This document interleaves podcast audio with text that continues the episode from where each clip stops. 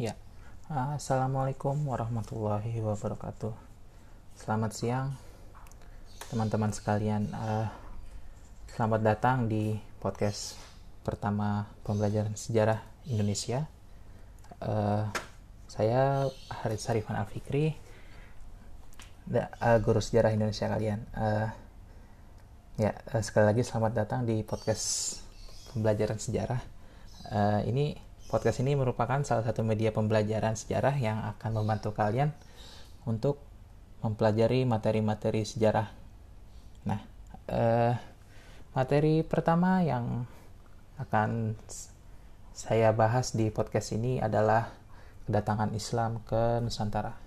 Nah, uh, sebelum saya membahas kedatangan Islam ke Nusantara ini, saya ingin membahas tentang salah satu bahasan yang cukup penting yang akan mungkin berpengaruh ya terhadap pembahasan kali ini yaitu jalur perdagangan jalur yaitu jalur sutra. Nah, uh, jalur sutra ini bisa dibilang jalur yang kayak gimana ya?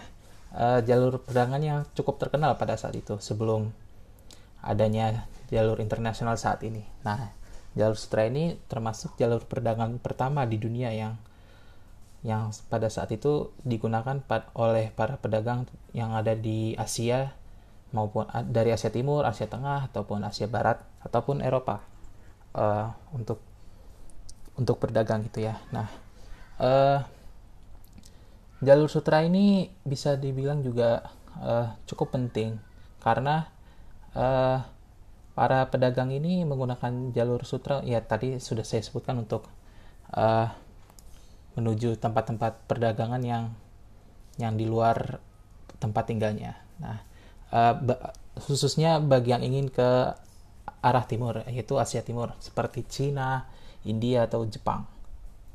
Ya, kalau bisa dibilang India juga uh, bukan timur ya, tapi selatan, Asia Selatan. Oke, uh, termasuk juga Indonesia. Nah, uh, jalur sutra ini ya tadi sudah saya sebutkan digunakan oleh para pedagang. Nah, para pedagang ini uh, secara tidak langsung ya saat berdagang itu juga uh, memperkenalkan budaya-budaya mereka gitu. Jadi uh, budaya-budaya asal negara mereka. Jadi uh, misalkan nih uh, seorang pedagang Muslim dari Arab. Nah, uh, ketika mereka berdagang kan mereka juga apa ya mempraktikkan budaya-budaya Arab mereka ataupun uh, ibadah-ibadah Muslim, ibadah-ibadah Islam seperti sholat dan berzikir dan lain-lainnya. Uh, karena itulah uh, agama Islam itu bisa tersebar gitu di Asia, uh, khususnya di Indonesia yang nanti akan saya bahas gitu kan. Nah, jadi yang ingin saya sampaikan jalur perdagangan ini cukup penting gitu dalam penyebaran sebuah budaya atau sebuah agama. Khususnya yang akan kita bahas saat ini adalah uh, agama Islam begitu. Nah, eh, bagaimana sih masuknya Islam gitu ke Indonesia? Nah, eh, di kalangan sejarawan itu ada beberapa teori yang mengatakan bagaimana masuknya Islam itu ke Indonesia, seperti agama Hindu dan juga agama Buddha eh, yang memiliki beberapa teori-teori bagaimana masuknya agama mereka. Nah, di Islam sendiri juga ada gitu uh, sejarawan yang mengemukakan teori-teori mereka masing-masing. Nah, uh, ada tiga, yaitu teori Gujarat, teori Arab, dan juga teori Persia. Nah, yang pertama dan mungkin bisa dibilang cukup terkenal ya, yaitu uh, teori Gujarat. Nah, teori Gujarat ini dikemukakan oleh Snok Hurgonye. Nah, Snok Hurgonye, Hurgonye ini yang bagi kalian yang belum tahu adalah seorang uh, sarjana barat dari Belanda gitu. Nah, Snafurgonya ini uh, bertugas untuk mempelajari Islam yang pada saat itu menjadi agama mayoritas di Aceh, agama utama kerajaan Aceh lah, ya kan. Nah, maka dari itu Snafurgonya dikirim ke Aceh untuk mempelajari bagaimana orang-orang Islam itu hidup di sana. Nah, akhirnya uh, ini uh, mengemukakan sebuah pendapat bagaimana Islam itu masuk ke Indonesia. Jadi uh, mengat beliau mengatakan bahwa Islam masuk ke kepulauan Indonesia berasal dari Gujarat sekitar abad ke-13 Masehi.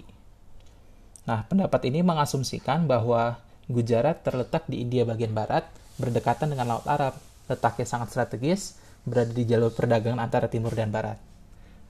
Pedagang Arab yang bermasyarakat Syafi'i telah bermukim di Gujarat dan Malabar sejak awal tahun Hijriah abad ke-7 Masehi.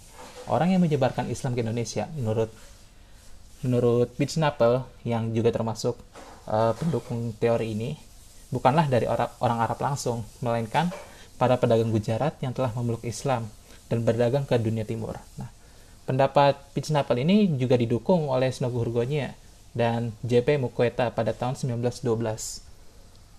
Argumentasinya didasarkan pada batu nisan Sultan Al-Malik Asaleh gitu, yang wafat pada 17 Zulhijjah 831 Hijriah atau 1297 Masehi di Pasai, Aceh. Nah, Pasai ini juga salah satu apa ya kerajaan Islam pertama yang ada di Indonesia yaitu Samudra Pasai.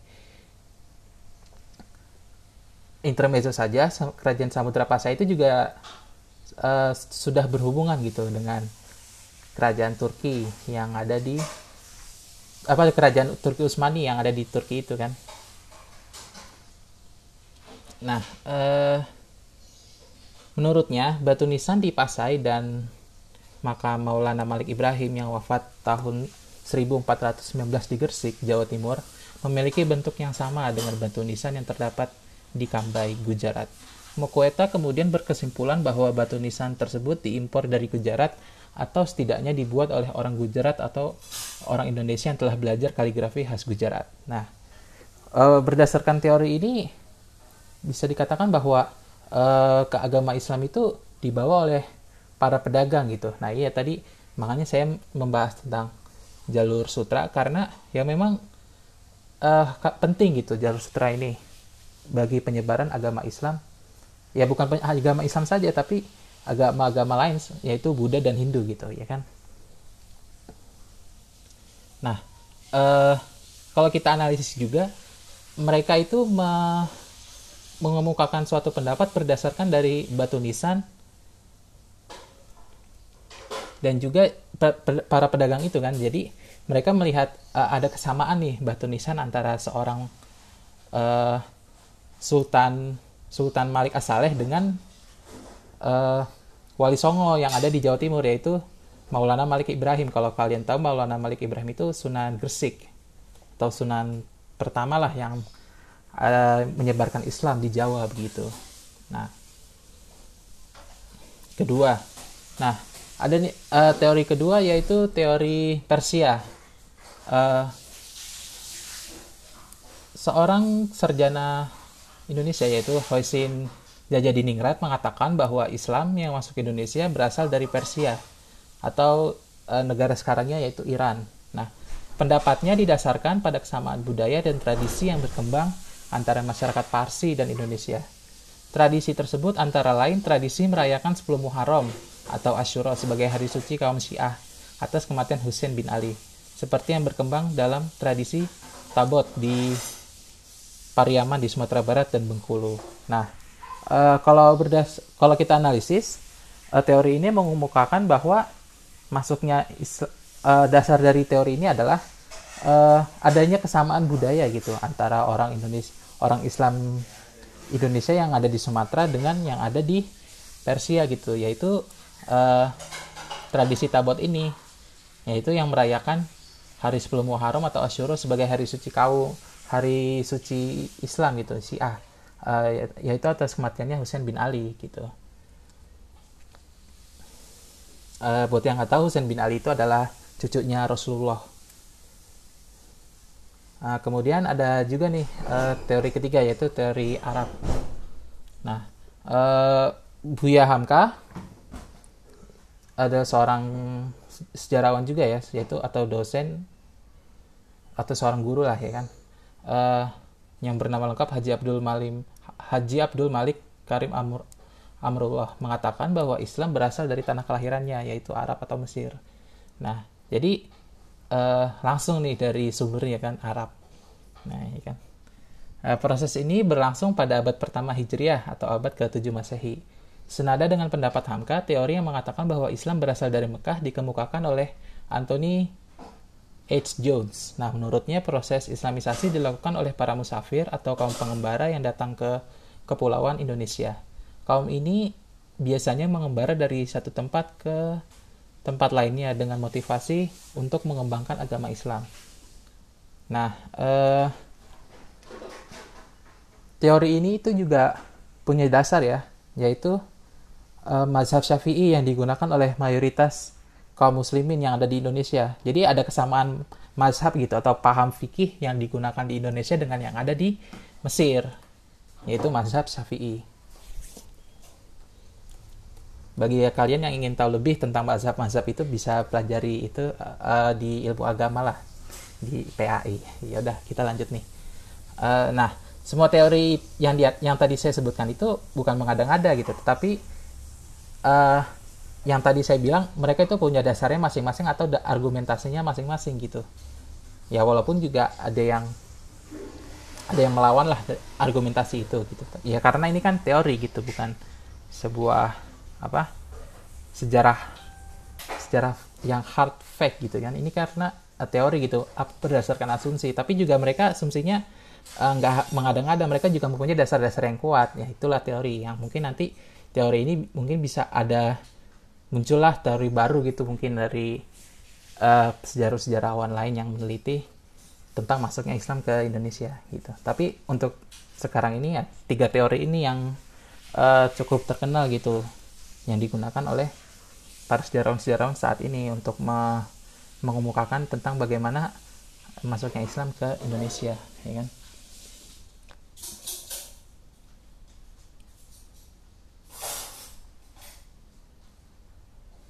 Nah, eh, Islami di Kepulauan Indonesia ini merupakan hal yang kompleks dan hingga kini prosesnya masih terus berjalan.